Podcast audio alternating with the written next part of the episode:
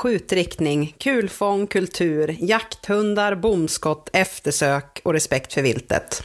Ni kan nog gissa att dagens avsnitt kommer handla om jaktetik och säkerhet vid jakt.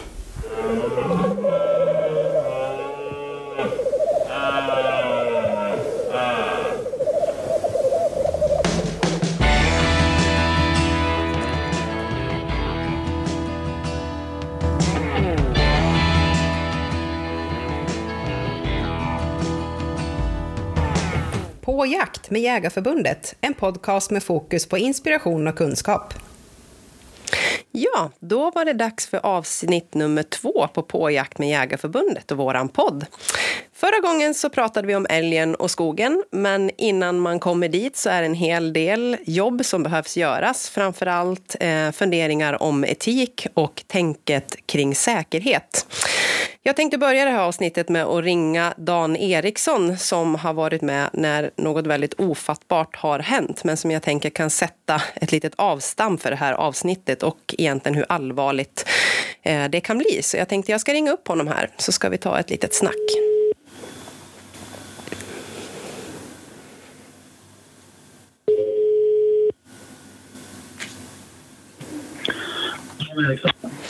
Hejsan Dan, det här var Malin från Svenska Jägarförbundet. Tjena! Hejsan, hejsan. Hur mår du idag? Tack, det är bra. Det är, det är fint. Det är måndag och nästan en orörd vecka tänkte jag säga. Ja, ja. nästan, precis. Men du, nu... Ja, du är med i vår podd nu som vi ska prata om både etik, och säkerhet eh, vid jakt. Eh, och jag vet att det var någonting som hände dig för fyra år sedan. Eh, du är ute och föreläser en hel del och pratar om den här händelsen och också gjort en filmatisering som vi på Svenska Jägareförbundet använder i framförallt vår jaktledarutbildning. Men kan inte du berätta lite grann vad som hände den där dagen för fyra år sedan? Absolut. Ehm, det var ju så att vi var ett gäng som skulle, jag tänker jag tar den korta versionen. Ja. Ehm, det var ett gäng som skulle jaga älg. Ehm, och det var väldigt hård skara den här dagen så jag gick med, med ja, normalt sett så går jag med lös hund men den här dagen så gick jag med hund i, i sele och lina. Och eh vi hittade älgspår ganska snart och eh, passerar en passkytt. Eh, han kan inte göra så mycket åt det här utan de går lite omlott. Så vi fortsätter förbi igenom det här. Och, eh, efter en stund så, så, så smäller det hos den här killen och han rapporterar på radion att han skjuter på en kviga. Eh, och efter lite tvivelaktig radiokommunikation och så vidare, jag är jaktledare den här dagen, så, så tar jag beslutet att vi gör ett eftersök. Jag är ju ganska nära. Ehm, I det område jag är just då är det väldigt kärrigt och väldigt blött så att jag väljer att gå upp på en väg för att eh, spara lite tid och ta den vägen tillbaks till den här killen. Och när jag kommer upp på den här vägen då ser jag att det sitter en passkytt längre bort. Ehm, vilket var väldigt förvånande för mig för det var inte riktigt så vi hade sagt på morgonen på samlingen. Ehm, och jag tänker ju, min första tanke i det läget det är ju att gå upp och prata med den här killen och tala om att så här kan vi inte göra utan vi måste ju meddela oss via radion om vi eh, tar oss ifrån passet. Eh, och jag gör som jag har gjort i alla år, att jag tar av mig kepsen och så vinkar jag åt den här killen. Just för att få en kontakt och då, då smäller det. Eh, han sitter på ryggsäcken, tar stöd mot knäna och skjuter på mig helt enkelt. Eh, han har ju senare sagt, och det gjorde han ganska omgående, att han, han ser en svart klump på, på vägen. Eh, och han är helt övertygad om att det här är ett vildsvin. Eh, men kort sagt kan man ju säga att han har inte en aning om vad han skjuter på. Eh, det är väl liksom mm, mm, kort vad som hände. Han träffar mig i ljumsken. Eh, han... Eh, jag förstår ganska omgående att jag blivit skjuten. Ja, man blir ju alldeles stum av att höra det och man kan ju knappt föreställa sig. Ehm, hur fick du hjälp och hur snabbt var hjälp på plats? Ja, det tog en bra stund. Det är killen som sköt på kvigan, det är han som larmar. Eh, här är lite struligt för han har kopplat ner sin platsangivelse eller platsposition på telefon. Eh, och han är också chockad såklart och har svårt att beskriva var vi är någonstans. Eh, och då gör ju polisen så att då skickar ju de en länk till honom. Och det här funkar inte riktigt. Idag finns det ju andra hjälpmedel. Vi har ju till exempel SOS-app och så vidare. Det finns ju andra möjligheter. Eh, så att det tar väldigt lång tid. Det tar väl nästan en timme innan eh, deltidsräddningstjänsten från Östervåla kommer till platsen. Så att, ja, det tar lång tid, en timme ungefär. Vad, vad sker på sjukhuset? Alltså hur illa däran är du? Ja, det är riktigt illa. Eh, eh, så är det ju. Eh, som sagt, han träffar med ljumsken och kulan går ju rakt igenom. Man skjuter med en 13,06. Man meter från sårkant till sårkant. Utgångshål 15 centimeter. Eh, och alla som har skjutit rådjur eller någonting vet ju ungefär hur det ser ut. Jag har ju haft änglavakt. Eh, änglavakt gånger tio brukar jag säga. Eh, jag har haft extrem tur i och med att kulan splittras mot benet och då blir det ju blysplitter som far ut. Och vi pratar ju millimeter härifrån stora kroppspulsådern. Eh, men han skjuter ju bort tarmar och de delarna då, så att det blir operation, akut operation. Jag får ju åka helikopter. Eh, sen går man ner på en röntgen och sen är det ytterligare en operation. Och man lappar och lagar det som går. Eh, och sen mm, mm, handlar det egentligen om att få det här såret att leka i sin egen takt. Det, det, det tar ganska långt, det tar ett halvår. Men, men ehm, eh, det är akut operation när jag kommer in på, på Akademiska. Det, det, det är så det är. Och sen, eh, syr de ihop mig så gott det går. Då. Eh, jag har ju en del frakturer. Eh, det, det, funkar ju så att när kulan träffar benet så blir det som en tryckvåg i kroppen och då spricker ju bäckenskålen. Så att ehm, eh, det var ju väldigt allvarligt såklart. Men du Dan, eh, sånt här får ju bara inte hända. Men du är ute och föreläser mycket om den här händelsen. Vad, vad är de främsta reaktionerna du får eller frågor på de här föreläsningarna från de som lyssnar? Det, det är ju... Det, det, kan vara väldigt blandat. Det, det, det är ju väldigt brett det här. Eh, må, många gånger blir det väldigt tyst och det, det, många blir väldigt eftertänksamma och kanske frågorna kommer inte förrän kanske senare när man är klar. Men jag upplever ju ändå att många... Alltså, jag har ju förstått efter det här att vi har ju en hög säkerhet i, i Sverige och jägarkåren är ju duktiga. Men jag upplever ju också att många berättar om händelser eh, som de har varit med om. Det vart inte en olycka men det hade kunnat blivit och så vidare. Så att, eh, det, det, är mycket sådana diskussioner som blir.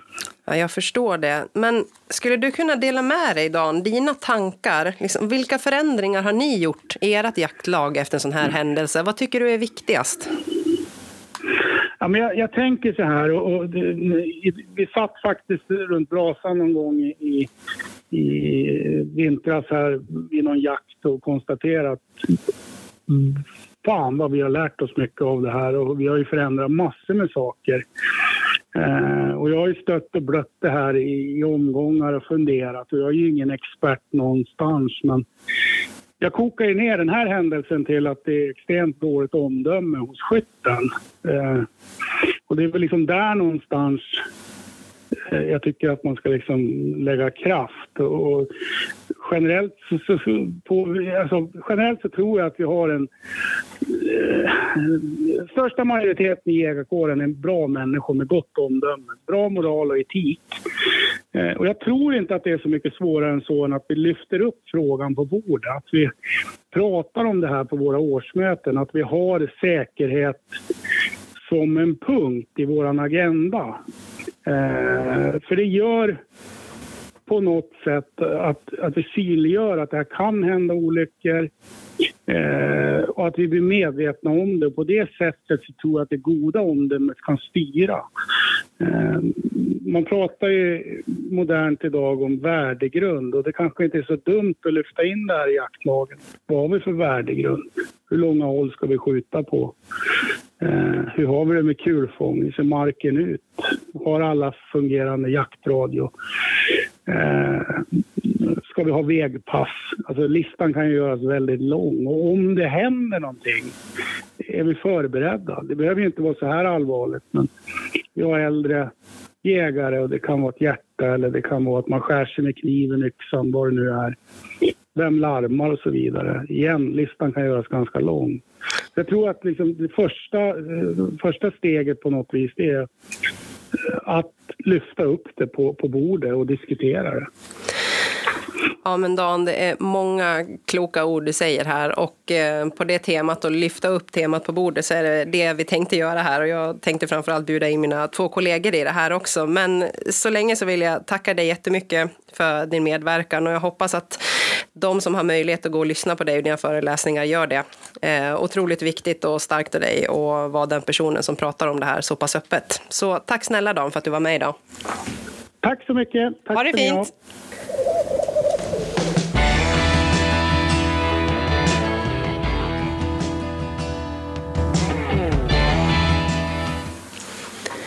Ja, på det temat ska vi ta oss vidare in i den här podden och prata ännu mer etik och säkerhet och skytte. Och för det så har jag bjudit in två eminenta kollegor till mig som heter Hanna Ståhl och Anders Nilsson. Jag tänker att ni ska få presentera er själva. Ska vi börja med dig Hanna? Ja, men tack så mycket, kul att vara här. Eh, ja, jag heter Hanna Ståhl och jag jobbar som jaktvårdskonsulent i Västra Götalands län. Eh, jag har jobbat där i drygt tio år.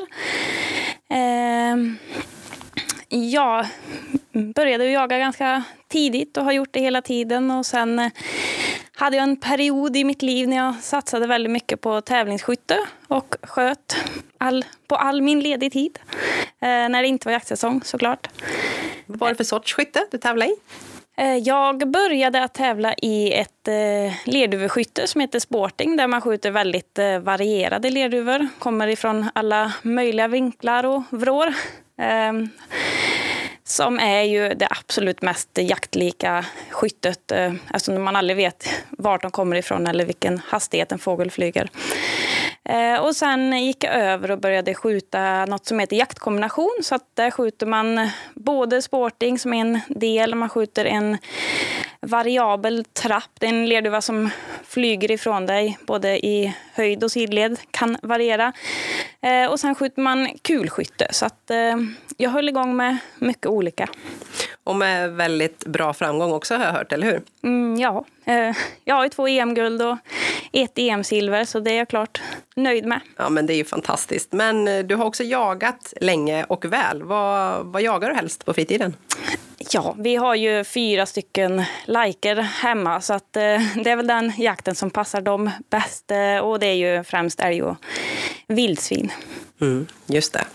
Tack för det. Anders, Ja, välkommen. tackar, tackar. Vill du berätta lite?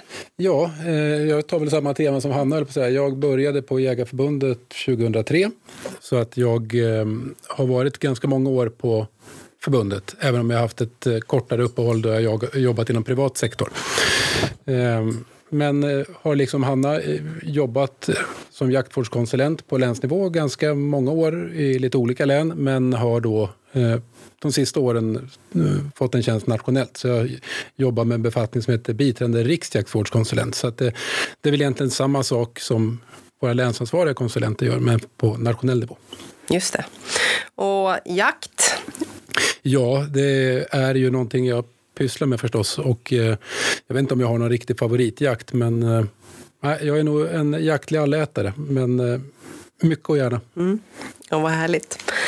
Hörrni, vi har ett brett och väldigt viktigt ämne att diskutera här framför oss. Jag tänkte vi skulle börja i någon ände. Men vi, Hanna, du som har hållit på med väldigt mycket skytte och tävlat inom det här. Liksom, vart börjar man säkerhetstänket där? I, i just i tävlingen liksom, och, och hantera ett vapen så att säga. Ja, men mycket handlar ju om att lära känna sitt vapen och vara trygg med det. Man har ett vapen som passar en själv. Det är ju det första.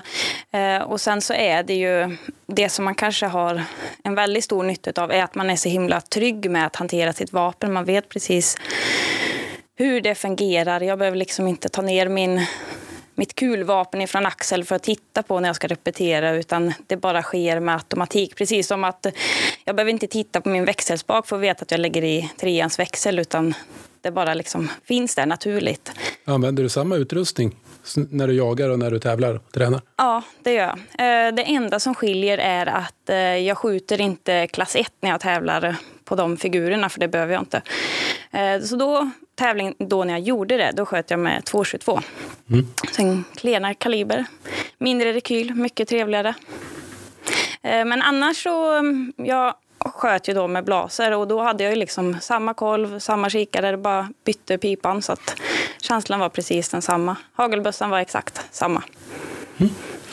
Men blir man en jättemycket bättre skytt genom att stå då på skjutbanan och skjuta väldigt många tusentals skott? Liksom? Är det bara det som gör en bra skytt och en bra jägare? Eller eh, finns det något tänkt där? Eh, man blir ju såklart mycket mer trygg i sitt skytte. Såklart så blir man ju duktigare. Men när man kommer ut i skogen så skiljer det sig. Eh, på banan så vet jag ju ofta vad som komma skall. Jag kan ställa mig helt optimalt för att eh, göra det bästa för att träffa den lerduvan. Samma när man skjuter eh, kulan. I skogen är det så mycket mer parametrar att ta in. Ehm, det är ehm, du ska ha kulfång. Om ett djur skulle röra sig, vilket jag är väldigt restriktiv till att eh, skjuta, så kommer det stammar i vägen. Du har liksom inte start och stopp som när du skjuter på älgen på, på banan. Eh, så att det är absolut mycket svårare att, att skjuta i skogen. Och eh, jag, ju mer jag träningssköt, desto mer ödmjuk blir jag ju inför hur svårt det är och hur svårt det är att göra rätt och samma varje gång. Men att, att skjuta ett dåligt skott på banan det innebar ju bara lite sämre poäng men det innebar ju inte någon skada för viltet. Men brukar du göra som jag, att när man kommer till ett pass, att man redan när man kommer till passet försöker analysera det och bestämma sig att där har jag en skjutsektor, där har jag kulfång, här kan jag hitta stöd, så att man liksom inte har de tankeverksamheten att ta tag i när det väl dyker upp ett vilt. Nej, man börjar där. Precis, alltså det är ju jätteviktigt för att, eh, för att själv kunna ta ett rätt beslut. För att eh, besluten behöver oftast tas väldigt snabbt. Ska jag skjuta eller ska jag inte skjuta? Eh, så att det är ju absolut klokt. Men är det inte lite så, ju mer du tränar, ju mer inser du kanske dina begränsningar? Ja, definitivt. Att det är där en reflektion får komma in, att oj, det här, det här var nog lite för svårt skott för mig att ta. Här, här klarar jag inte riktigt av det här. Nej, och då kan jag direkt bestämma att jag tänker inte skjuta här, utan jag vet att eh, det där det där behärskar jag inte. Nej. Anders, hur tränar du skytte och för att bli en så säker skytt som möjligt? Man kan väl börja med en bekännelse att jag tränar alldeles för lite egentligen mot vad jag skulle vilja göra. Däremot så kanske jag tränar mer än de flesta gör ändå. Eh, men jag, jag, jag gör som de flesta, man skjuter upp för älgen och man kan skjuta några hagelserier sådär per år. Men framförallt så tror jag att jag jag kontrollskjuter jag jagar mest med kula kan jag säga. Så jag kontrollskjuter mitt vapen relativt ofta. Sen är jag lite nördig med handladdning och sånt där. Då blir det att man, när man har laddat nytt, att man skjuter och ser så det går som det ska. Så där. Men framförallt tror jag liksom hamnat, att just den här regelmässiga vapenhanteringen oavsett om man skjuter eller inte tror jag gör jättemycket. Klickträning hemma, bara att känna sitt vapen eh, gör en enorm skillnad för tryggheten i väl under praktisk jakt i skogen. För man, man behöver inte titta på vad man har säkringen för det, man vet det. Vi har ju många nya jägare som lyssnar också. Jag tänker så här, hur ofta ska man skjuta in ett vapen? Är det, är det, finns det något snitt eller är det en viss händelse som gör att man bör göra det igen? Räcker det med en gång per år eller en gång i månaden? Hur ser du på det? Personligen så tycker jag det det är klart, har, har det ramlat och slagit i bössan så är det en självklarhet att man ska kontrollskjuta vapnet. Likaså om du om man har skjutit ett dåligt skott, då tar jag som, som regel att jag alltid vill kontrollskjuta vapnet för att säkerställa att det är jag som, att helt enkelt det varit skit bakom kolven och inte utrustningsfel. Det vore oansvarigt att skjuta ett nytt skott om jag inte har tagit bort den parametern. Annars så tycker jag ju eh, en bra tumregel är jag säker på att grejerna går som de ska så gör de oftast det. Är det där, har man däremot osäkerhet så vill jag bli av med den själv. Och då kontrollskjuter jag även fast jag tror att det går bra. Men jag vill ha vetskapen att grejerna funkar som de ska. Men sen är det ju ganska skönt att någon gång under säsongen bara bara testa och se att få det bekräftat att ja, det funkar som det ska. Självklart, och dessutom så fort man har bytt ammunition eller framför, ja, ammunitionstyp, det kan även vara inom samma fabrikat, eh, så kan det vara ganska stora skillnader. Så att byter man ammunition så ta som vana att du faktiskt kontrollskjuter med den nya ammunitionen. Precis, så här ska man ju skjuta också då med den ammunitionen man jagar med och inte Exakt. bara övningsammunitionen. Och att det kan skilja sig ganska mycket däremellan olika bössor och ja. ammunition, eller hur? Och det finns till och med så att vissa tror att eftersom det står jaktmatch på övningsammunitionen att det är jaktammunitionen och så är det ju självfallet inte så. Utan det är den, den expanderande ammunition man avser jaga med. Mm. Bör vi träna mer på skytte? Du säger det är många som går och skjuter upp för älgen och sen någonstans eh, kanske det stannar där. Det har varit lite utmaning att komma ut på skyttebanorna nu med nya besiktningar och så vidare. Liksom. Vi vill ju ha ut så många som möjligt att övningsskjuta, eller hur? Ja, absolut. Eh, och jag vi har ju en rad eminenta utbildningar, bland annat jaktledarutbildningen, där man, det var vissa praktiska moment där man liksom mer testa just det som Hanna var inne på med sina egna begränsningar, eller kanske då de kollektiva begränsningarna som i många fall man har som, som jägarkollektiv. Eh, och framförallt så tror jag att kan man hitta former för ett mer varierat skytte som mer efterliknar jakt och kanske inte det statiska nötandet på älgbanan, även om det förstås också eh, är bra i sig. Men alltså ett mer varierat skytte, det tror jag gör jättemycket. Vad kan vara exempel på det då, mer varierat skytte? Är det skjutbiograf du tänker på? Ja, det kan ju vara ett exempel, men framförallt så tror jag att faktiskt har man då möjlighet att kanske skjuta lite grann på jaktmarken, att man, man testar, man kan sätta upp en tavla med bra kulfång, prova olika avstånd, lär dig hitta stöd i naturen. För det är kanske den största felkällan som jag ser det, det är att eh, jägarkåren generellt sett är väldigt dåliga på att hitta naturliga stöd. Och då ska man stå och vingla på frihand och det, man har inte en suck att få samma resultat som man faktiskt hit, lär sig att hitta bra stöd för vapnet. Eller ha med sig ett löst skjutstöd också, vilket börjar bli... Jag börjar se fler och fler som har med sig det ut på jakt, vilket Absolut, också är positivt. det är ett utmärkt redskap. Men det, det uppfyller precis samma funktion, att man faktiskt förbättrar skyttet avsevärt. Mm. Du pratar ju lite grann om jaktledarutbildningen här och vi har ju nyss pratat med Dan över telefon som är med i, med film från de här utbildningarna. Eh, om jag tänkte att vi ska koppla tillbaka lite grann det här man, det han pratar om, om lite grann kulturen och hur den här frågan, säkerhet, att den behöver lyftas och bli tydligare. Jag tänker Hanna, hur, hur gör ni i ert lag? Eh, har ni säkerhetsgenomgång på, på morgonen innan ni ska ut? Hur, hur tänker ni kring det i ert lag? Eh, ja, jag har jagat på lite olika ställen, men jag tror att eh, eller på de allra flesta ställen har man ju alltid en genomgång. Eh, men det kan också hända att den kanske blir lite slentrian för att det har ju gått bra, inget har hänt. Alltså man har inte hamnat inför den här situationen som faktiskt eh, eh Dan fick vara med om. Eh, och det är kanske först då när det verkligen har hänt någonting som man... Eh, men det ska ju inte behöva hända det utan man behöver verkligen tänka till på det i förväg och absolut vad man ska göra om nu olyckan är framme så att man inte står där handfallen utan att man ja, tar hand om det så, så bra det går. Mm. Och jag tänkte nu, det Dan råkar ut för är ju ett extremfall också såklart. Eh, men jag tänker också på alla jakthundar och säkerheten för dem i, i praktisk jakt. Det är ju samma principer egentligen som, som gäller där. Hur, Anders, hur, hur jobbar ni med det här med era jakter? Där jag själv är jaktledare så ser jag till att vi har ett ordentligt jakt-PM för morgonen. Där, förutom själva regelverken och vad man får skjuta och så vidare så är ju säkerheten en viktig aspekt av det.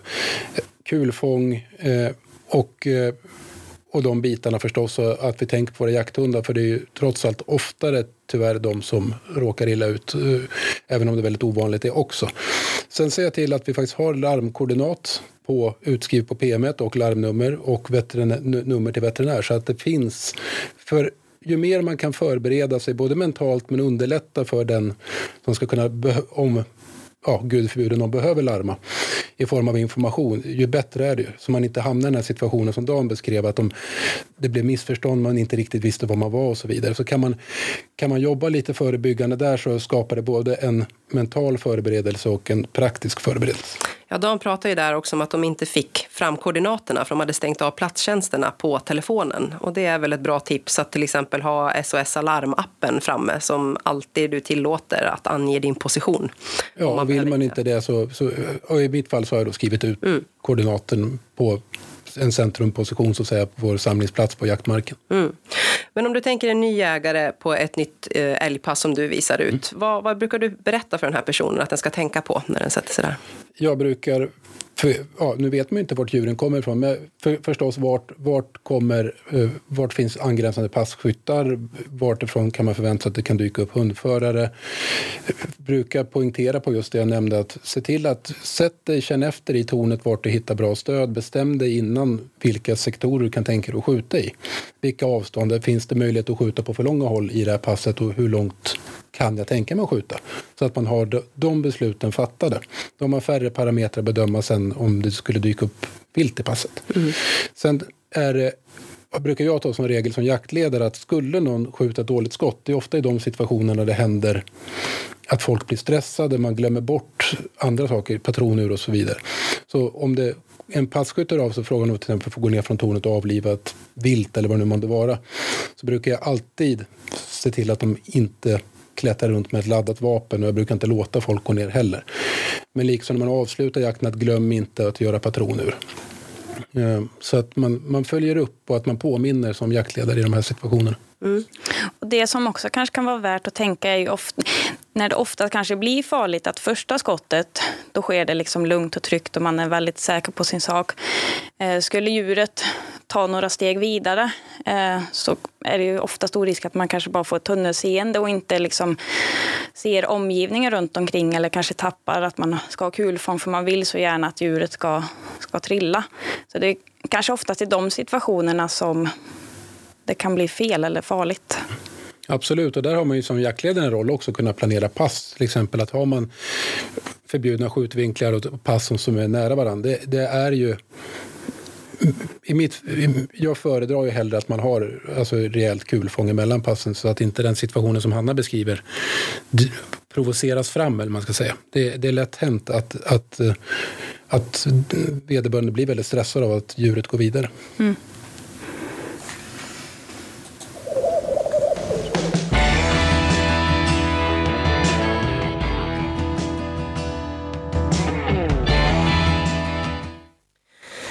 Men ska vi fortsätta diskussionen lite grann ur ett hundförarperspektiv och jakt med hund och vildsvinsjakt som eh, växer i popularitet här framöver. Hur, hur ser du på det Anders? Hur ska vi använda hundar och vilka hundar och vad är etiken i det här? Ja, man kan väl säga som så att generellt så tycker jag att hundanvändningen har blivit mycket, mycket bättre när det gäller vildsvinsjakten. Sen har ju tyvärr vildsvinsstammen, i och för sig, det, på sina håll är den ju fortfarande stark, men det, det, det kan ju vara lite tråkigt som hundförare om man upplever att de nästan försvinner. Men eh, det, det, är väl egentligen att man ser till att den hund man använder har ett acceptabelt beteende, alltså inte regelmässigt biter i friskt vilt.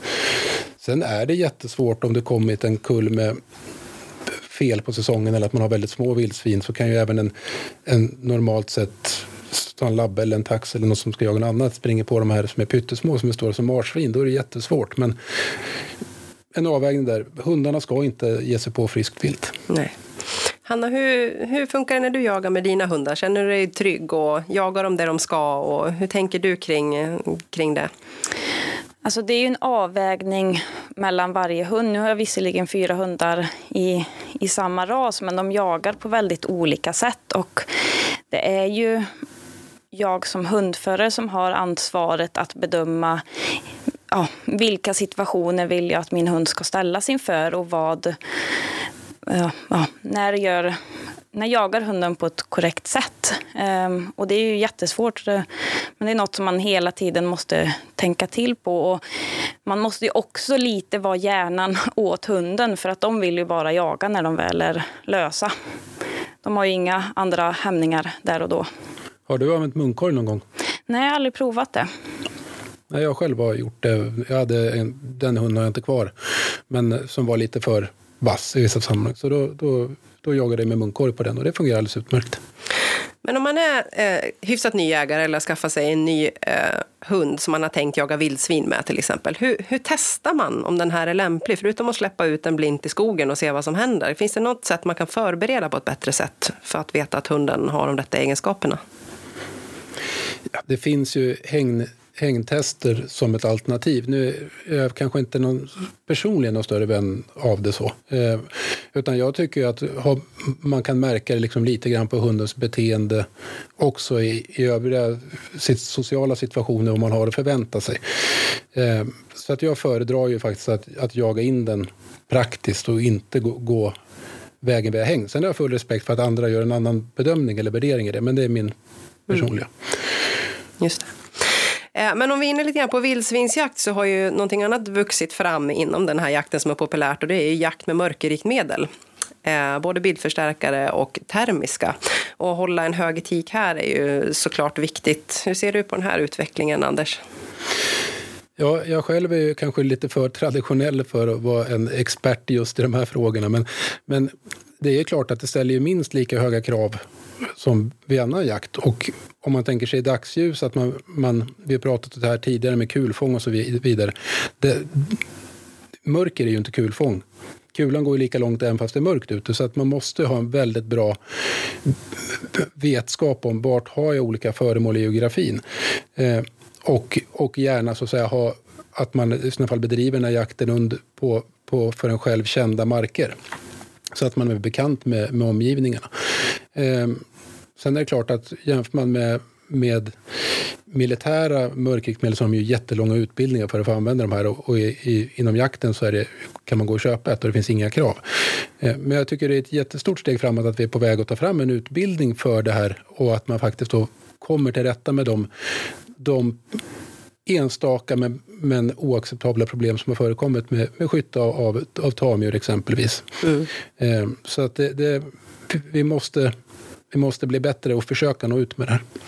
Och den här utbildningen är väl lite grann tänkt egentligen som man tänker när du ska skjuta brons på älgen inför älgjakten. Att förhoppningsvis både den som har marken eller jakträtten säger att du, du bör gå den här utbildningen för att ha förtroende att jaga med mörkerriktmedel på, på den här marken. Exakt, inte en juridiskt bindande så, så tillvida Nej. som jägarexamen utan mer som bronsmärkte att det blir ett, ett internt tryck och krav eh, inom jägarkåren. För att använda de här grejerna så ska man faktiskt få utbilda för. Mm. Eh, I den här utbildningen tas det upp också hur man får använda fordon kring alltså jakt generellt, men med mörkerrikt medel också. Liksom, vad, vad gäller där egentligen? Ja, det som gäller är att man får helt enkelt inte använda motordrivna fortskaffningsmedel eller egentligen inte bara fortskaffningsmedel, utan motordrivna redskap i, för att underlätta jakten. Eh, utan att det, sen när man upptäcker ett vilt från bil eh, så om man säger att man är på väg ut och jagar och så passerar du någon åker och sen så, så här, men där står det ju en bock och den är lovlig. Och att du, att du åker bort en kilometer och säga att bilen inte längre är ett redskap för att söka efter vilt eller liksom dra viltets uppmärksamhet från. Då kan man kan, ja, då är det okej. Okay. Men det blir ju förstås en gråzon här eh, och eh, vi ser väl en tendens att eh, det kanske inte lag, efterlevnaden när det gäller det här kanske inte hundraprocentig. Nej. Men jag tänker man glömmer en ganska bra finess med de här mörkerriktmedlen att man kan ju också använda det som en väldigt bra inventeringsmetod för sina marker. Utan att jaga nödvändigtvis med det så kan man ju inventera och se vad man har för vilt på marken, eller hur? Ja, så är det ju. Men det finns ju även handhållna mm. alltså, optiska medel som inte är, inte är riktmedel om man säger så.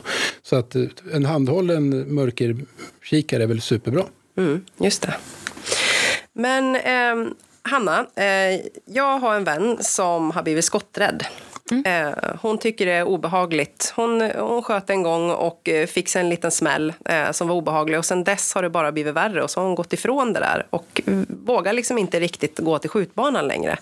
Du som är erfaren skytt, vad skulle du rekommendera henne att göra? Vilket hörn ska man börja om man hamnar där? Eh, alltså hon har ju börjat med att faktiskt erkänna det. För att eh, jag, jag ska inte säga någon procent, men en väldigt stor andel av våra jägare tror jag är skotträdda eller berörda utav eh, skotten. Eh, och det var jag också. Eh, och jag ville ju absolut inte erkänna det för att jag var inte rädd. Jag tyckte inte det var farligt att skjuta. Jag tyckte det var kul. Men någonting i mig gjorde ju ändå att jag fick en reaktion och det blinkade till ögonen. Så att eh, när jag väl kom ner på jorden. Så började jag om. Eh, stod hemma och bara torrklickade. Visste ju såklart att det var ingenting. Det skulle inte smälla, det skulle inte komma någon rekyl. Ändå så ryckte det till i mina ögonlock varje gång slagstiftet slog till. Så eh, då fick jag sätta på mig hörselskydd och stå inne och torrklicka. Eh, och sen har jag liksom bara fått jobba med det. Eh, skjuta 22, skjuta så klen kaliber som det bara går.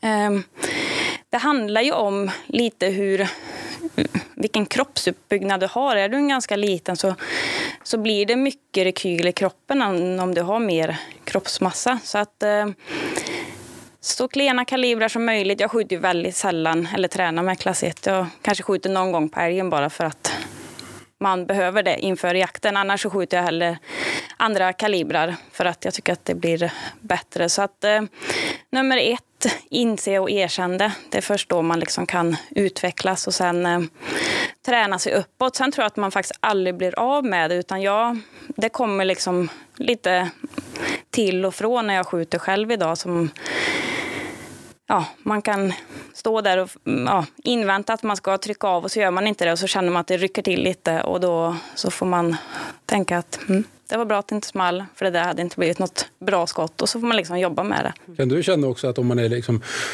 man har sovit dåligt, eller man är trött eller att, att det är något annat, att liksom man inte riktigt är i balans, att det, det, blir, det blir mer påtagligt då att det kommer den här Ja men absolut. Skytte det är ju en väldigt, eh, alltså skytte, eller att, mm, att skjuta bra det är ju en mental sport och du behöver ju liksom vara i bra balans för att eh, leverera det. Så det är ju olika dagar och det är det som man också lär sig känna att eh, idag är ingen bra dag, idag är jag inte någon duktig skytt. Men hur är det med kalibrar där då? Ibland säger man ju ju tyngre och ju större och ju bättre och ju mer spark i axeln ju bättre blir det när man ska skjuta viltet. Och finns det någon sanning i det där? Nej, ju jag håller helt med Hanna. Ju klenare ju bättre. Sen är jag ju lycklig ägare av en 300 Winchester Magnum själv. Men jag kan ju öppenhjärtigt säga att jag skjuter mycket bättre med 6,5 eller 308 som jag också har än vad jag gör med 300 Winmuggen. Och för att inte missa några nya jägare då, kan du beskriva skillnaden med de här? Skillnaden kan man säga att en 308 då, det, och en 300 Winchester Magnum, de avfyrar samma projektil kan man säga. Det är samma kula, samma kuldiameter i båda. Men att den, den ena har betydligt större hylsa, mer krut och därmed högre hastighet och mer rekyl. Mm. Så att har man en att skjuta med som Hanna säger, en, en klenare kaliber, det, det ger ju mycket mindre o, otrivselkänsla. Mm. Kan det vara en fördel att ha dämpare i det här också, ljuddämpare? Absolut, den tar ju bort ganska mycket av eh, rekylen, mm. upplever jag. Mm. Alltså, jag älskar ju att skjuta med dämpare. Jag tycker ju både att eh, Eh, rekylen blir mindre, ljudet blir lägre. Jag tycker också att man får en bättre balans för att man faktiskt får en liten vikt längst ut på pipan. Eh, så att jag tycker, alltså, man är ju, om man till exempel står och skjuter fristående så är ju aldrig pipan helt still eller hårkorset ligger ju inte alltid bara exakt i. Eh, men har du en liten vikt fram så blir liksom rörelsen lite långsammare och man kan då avfyra i ja, när man långsamt kommer in emot mitten av träffområdet. Så att, eh, jag ser bara fördelar med att skjuta med ljuddämpare. Jag skulle aldrig skjuta med min egen 308 utan dämpare. Sen kan man väl säga nu när vi pratar om etik och säkerhet och de parametrarna så har man ljuddämpare så det är jätteviktigt att man faktiskt även kontrollera att man skjuter in och avsmunna skjuta både med och utan dämparen påmonterad. Att man faktiskt kontrollskjuter så det går likadant, för det är inte heller givet att det gör. Utan det kan skilja rätt så mycket i, i, i träffbilden om man, har, om man skruvar av ljud, ljuddämparen.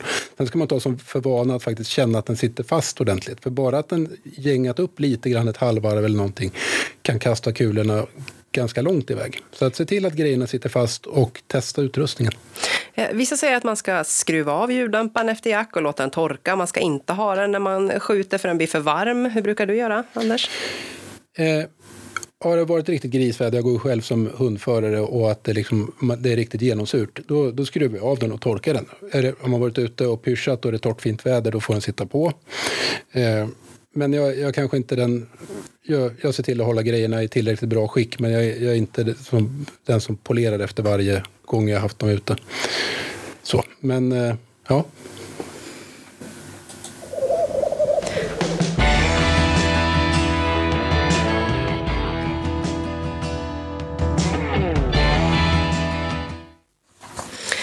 Eh, men om vi nu ska återkoppla lite grann till det här med kulturen i jakten. Liksom, hur har den utvecklats över åren? Det har ju pratats om machokultur och eh, själv har jag fått höra ibland varför sköt du inte och sådana kommentarer. Liksom, vad, vad, reflekterar ni över det, den kulturen idag, vart den är på väg och vart vi skulle vilja ha den framför allt? Jag tycker den har blivit jättemycket bättre. Sen, nu har jag jagat sen barnsben och jag är 45 idag så att jag har väl varit med i alla fall 40 år vad jag kommer ihåg i samband med jakt. Och förändringen är ju enorm. Eh, och vapenhanteringen är ju en jättestor del. Eh, alkoholförtäring i samband med jakt är ju en annan sak som har förändrats enormt. Det är helt borta idag skulle jag säga. Eller förhoppningsvis. Men det, det, det är ju jätteskillnad. Eh, och många andra saker som har blivit bättre. Andel kvinnliga jägare och, och, att vi, det spelar ingen roll om man är kvinna eller man. Eller så, man, man, man, är, man är jägare. Det spelar mm. liksom ingen roll. Mm. Vad känner du, Hanna? Eh, ja, nu har inte jag jagat riktigt så länge, men eh, men jag tror också att det har förändrats ganska mycket och jag tror faktiskt att eh, andelen kvinnor i jaktlagen gör att det blir kanske en annan jargong. Det blir inte riktigt de här hårda orda lagen riktigt. Så att, eh, jag tror att det har blivit en, en stor skillnad, absolut. Sen tror jag införandet av jägarexamen, faktiskt, även om det är väldigt många år sedan nu, innebar jättestora förändringar i tanken på säkerhet. Och det är bara att se även hur, man, hur vi är på skjutbanorna, att, eh, hur det har förändrats. Att, eh, att man är på varandra om man liksom inte har slutstycket ur eller liksom att vad det nu må vara, man inte bruten hagelbössa. Det, det blir ju en, en direkt reprimand att någon är där och säger till. Då. Så att det, det har blivit en, en betydligt större medvetenhet. Mm. Mm, och att man faktiskt vågar säga till och inte bara titta på det och, och, reflektera att det där stämmer inte utan att man ändå vågar gå fram och det, det är helt okej. Okay. Och inte bara på skjutbanan. Jag tänkte på det inledande samtalet här med Dan. Minst lika viktigt är att vi gör samma sak i skogen. Och Alltså, vi kanske berörde kanske inte det fullt ut, men att man faktiskt då har man någon sån här som har man har dålig magkänsla kring omdömet helt enkelt. Då att man är på den i tid, innan det här händer och inte efter. Så att man liksom faktiskt hela tiden bevakar rågången med vad, vad är okej och hur beter vi oss mot varandra och viltet och så vidare. Så att, att, man, man, att vara flat i de situationerna, det, det kan generera ett mycket dåligt samvete i framtiden. Ja, men jag känner igen mycket i det där. Jag tror alla vi har råkat ut för någon situation där vi känner att det här borde vi ha tagit upp och pratat om, kanske innan och åtminstone efteråt när vi märker av lite signaler. Men vad, vad är jaktledarens roll i det här och vad är den gemene jägaren, kompisens roll i att ta upp de här? För ibland kan det vara känsliga ämnen. Det kanske är någon som får sämre syn, som inte kan skjuta lite, lika bra på grund av det eller andra saker. Hur, hur kan man bemöta det här på ett schysst sätt eller vem ska göra det framför allt? Det är ju jaktledarens roll. Eh, men jag brukar personligen tycka att man, man går igenom egentligen förutsättningarna med hela laget. Alltså, så här vill jag ha det om jag ska vara jaktledare för oss. Och sen så får jag så att hela laget då ställer upp på de, villkor, de gemensamma villkoren. Och sen i nästa led så är jag som jaktledare, jag verkställer egentligen bara vad vi gemensamt kommit överens om. Det blir ett mycket enklare sätt att hantera det på än att jag som jaktledare ska stå med Svarte Petter och, och komma med bestraffningskäppen när någonting har hänt. Utan i många fall, om man då är överens i förväg, så blir det också att den som är vållande eller den som har hittat på något helt enkelt, den vet med sig det här och det, det blir aldrig en diskussion. Så att man, man, man, man ökar medvetenheten och gör det mer som ett verkställande av ett kollektivt beslut. Mm. Mm. Hanna, har du varit med om någon situation där du kände att ah, här kunde vi ha gjort det bättre eller någonting ni, du har tänkt på?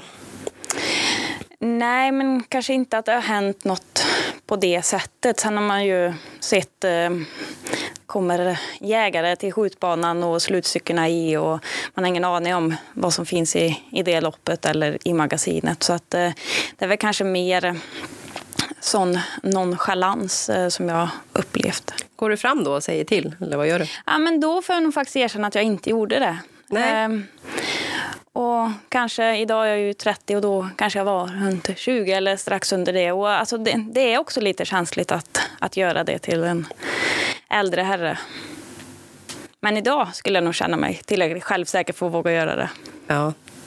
Du då Anders, har du varit med om någonting som har hänt? Ja, jag vet inte var jag ska börja.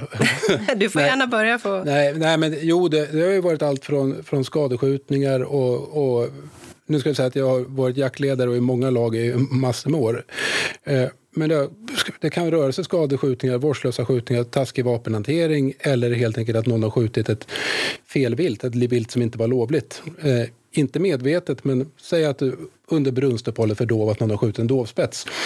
Och att man faktiskt redan där är eller konsekvent. Och att man, I de fallen har jag systematiskt alltså, sett till att vederbörande ringer till polisen och anmäler sig själv. Att det liksom inte hålla på att börja slira och mörka saker och så, utan man, det, man ser till att vara konsekvent. Mm. Eh, om vi ska prata lite kulval. Eh, Hanna, hur ser du på det här? Det finns ju lite olika sorts ammunition för olika sorts jakter som marknadsförs eh, ganska mycket idag. Eh, gör du någon skillnad på din ammunition när du går ut beroende på vad du jagar? Och har du någon tanke kring det? Eh, ja, ehm, jag, jag har ju en man som gillar att ladda ammunition. Jag själv tycker ju att det är ganska det är inte mitt område som jag nördar in på. Eh, men eh, när vi jagar älg och vildsvin så skjuter vi med en, bondad kula. Eh, Vad innebär det? Det innebär att, att den är, sitter fast eller att det är lött med kopparn till kulan. Så och det är för att eh, när man skjuter genom viltet så vill jag inte ha något splitter som kan riskera gå iväg och kanske få en annan vinkel och träffa hunden. Eh, så att eh, det är vårt val att vi skjuter med det. Och sen eh, kan man ha en annan kula som är mer expanderande när man eh, jagar till exempel räv. Och varför har du den när du jagar räv? Eh, ja, men, eh, dels är det ju för att eh, Ehm, då, då, kan man liksom, man vet att kulan går i mer bitar och att jag vet att jag att det får en bättre effekt i djuret. Mm, just det. Anders, hur resonerar du med olika kulor? Jag använder eh, nästan uteslutande blyfri ammunition. Eh, jag har använt det i flera år och jag tycker det fungerar jättebra. Fullgod effekt eh, tycker jag. Så är det för att du vill åt blyfria just? Eller? Det, definitivt, så är det mm. Och eh, det är framför allt också att med, nu har väl jag ätit en herrejösses massa bly höll på genom åren. Men, men att det, det, är väl också när det finns ett fullgott alternativ så tycker jag att det, då, då använder jag gärna det. Mm. Eh, och, och när man tar hand om köttet så behöver man faktiskt skämma bort det som är påverkat. Men jag behöver inte bekymra mig om att det sitter blysplitter runt om i viltet. Så. De undantag jag gör är väl egentligen när jag jagar eh, pälsvilt, eller på så, som, så som Hanna beskriver det. Om jag, om jag jagar bäver eller räv, då, då kan jag använda mig en, av en, av en mer varmint kula, en, en väldigt explosiv kula. Men mitt syfte är ju liksom att få en, då är att få en hög effekt och i idealfallet så får jag inte heller genomslag. Så jag får alltså minimal skinnförstöring för skinn skinnpälsverket jag ska ta rätt på. Just det. Men de här kulorna som marknadsförs lite mer som har knockdown-effekt och ganska populärt på drevjakter, oftast vildsvinsjakter för att djuret ska lägga sig så snabbt som möjligt. Finns det någon eh, risk i det här? Eller någon bra tanke med det? Hur, hur ser du på den delen? Ja, ja eh, det finns väl en, en aspekt som jag var inne på det i form av viltet som livsmedel. Att det, det är klart att de här kulorna är ju generellt sett inte bondad, alltså att, att manteln är sammanlödd med, eller kemiskt sammanfogad med, med, med eh, kärnan. Då. Eh, utan man får ju generellt sett en större köttförstöring, större blyspridning och så vidare. Så att eh, det är väl om jag, ur det perspektivet så tycker, tycker jag det är olyckligt. Mm. Finns det en risk? Eh, det finns en hel del innehåll på Youtube eh, med mycket skyttefilmer som oftast unga jägare vänder sig till för att få inspiration och ibland också utbildning kan man säga. Finns det någon risk med de här videorna, vad de är på väg att ta, red, ta, ta vägen egentligen och vad tycker du de ska vända sig? Framför allt för att få eh, även lite kanske underhållning men i form av utbildning i skytte just eh, och vad som är rimligt. Ja, man ska väl inte se det här som, en, en, som utbildningsfilmer i första hand utan det är väl som, snarare som du säger underhållning. Man, ska inte, man får ju ta det med, med en väldigt stor nypa salt. Och sen ska man ju vara, framförallt ha en stor medvetenhet som producent eller så här, innan man laddar upp någonting. Och faktiskt tänka efter, är det här någonting som, som jag kan stå för, gynna det här jägarkåren? För går man internationellt så de, och de som är anti-jaktrörelsen, de behöver det, det är ju generellt sett vi som jägarkår som har försett dem med, med propagandamaterial för vi lägger upp massa skit som, som inte borde varit där. Och som inte borde ha hänt i första läget förstås heller. Och här får vi väl också tänka om vi ska ha kvar vår fantastiska jakt här i Sverige och de jaktmöjligheterna vi har med, med både hundar och den paletten av jakt som vi egentligen får, får utöva så har vi väl ett ansvar också, tänker jag. Eh, att vi får vara de, de som lägger ut bra material helt enkelt och vi inte blir våra egna fiender så att säga. Eller vad säger du Hanna? Nej, men ett jättestort ansvar.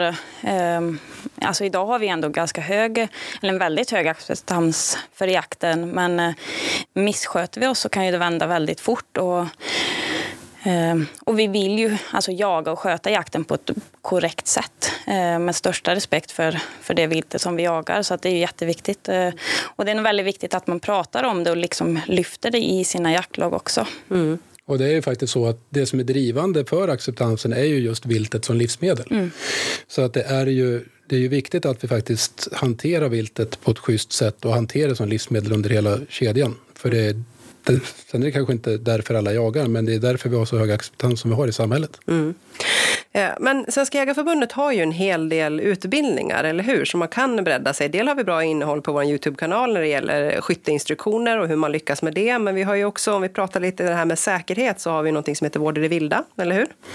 Absolut, och den, den kopplar väl kanske framförallt till det, då någonting gått snett. Som tur är så är det ju extremt ovanligt med, med olyckor som är kopplade till skjutvapnen i sig. Utan det är kanske vanligare då att sjukdomsfall i skogen eller en fallolycka eller att man skär sig eller köra vägen på vägen dit. Eller att en hund blir skadad. Så att den, den syftar helt enkelt till första hjälpen-vård eh, av människa och hund inför avtransport till veterinär eller, eller till sjuk, alltså mer ja, sjuk, sjukhus. Då. Mm. Så att första förband och hur, hur rädda liv helt enkelt. Mm. Och sen har vi även jaktledarutbildningen som finns, som du rekommenderar, eller hur? Ja, den är, den är ju en riktig långkörare. Jag kommer ihåg den från 2003 när jag började, när man stod med en OH-projektor och bytte blad så där, och sorterade dem där inne. Så att, ja, den är såklart uppdaterad sedan dess, men det är, det, den är jätteuppskattad och eh, många tycker att den är nyttig. Men eh, lite avslutande rekommendationer här. Liksom, här sitter jägaren, eller likjägaren för den delen, och, och lyssnar nu. Hur kan jag ta lite åtgärder för att få en bättre säkerhet och en bättre etik generellt i laget? Liksom, vad, kan ni ge några snabba tips var ni tycker de ska börja någonstans?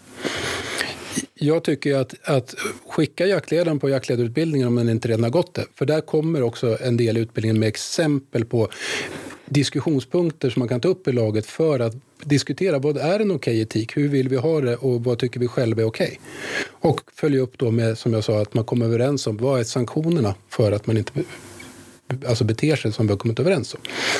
Då kommer man att få en mycket trevligare jakt. Och det är faktiskt därför jag jagar. Det är inte för att jaktledaren ska stå och gorma och vara en sur gubbe eller så, utan det ska ju faktiskt vara roligt när vi är ute. Men tryggheten och säkerheten är ju en del av att faktiskt kunna ha kul och slappna av. Mm. Och det är precis samma för, nu pratar du mycket om jaktledaren, men det är precis samma sak för jägaren.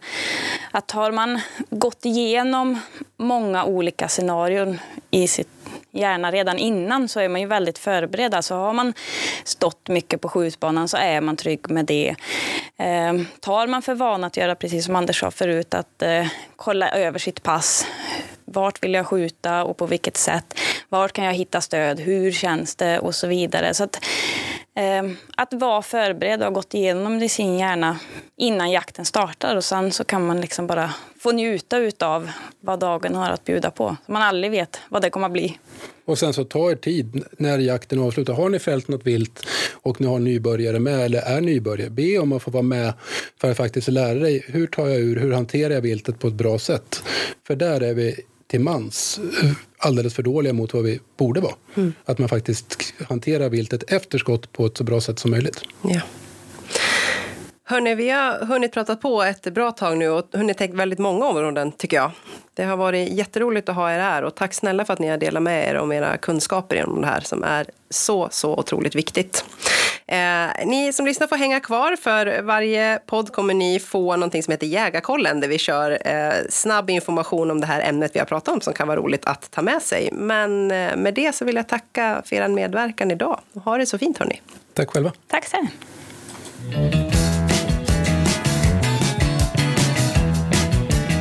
Jägarkollen. Snabbfakta om dagens ämne avfyrad på 30 sekunder. Visste du att 8% av den manliga befolkningen och 0,5% av den kvinnliga har nedsatt rödgrönt färgseende? Det gör att man har väldigt svårt att se de röda markeringarna som anger förbjudna skjutriktningar i skogen. I Sverige genomförde jägarna på sin fritid och ideell basis eftersök vid de 65 000 viltolyckor som inträffade 2021. Och i Sverige finns det idag cirka 164 000 registrerade jakthundar. Oh.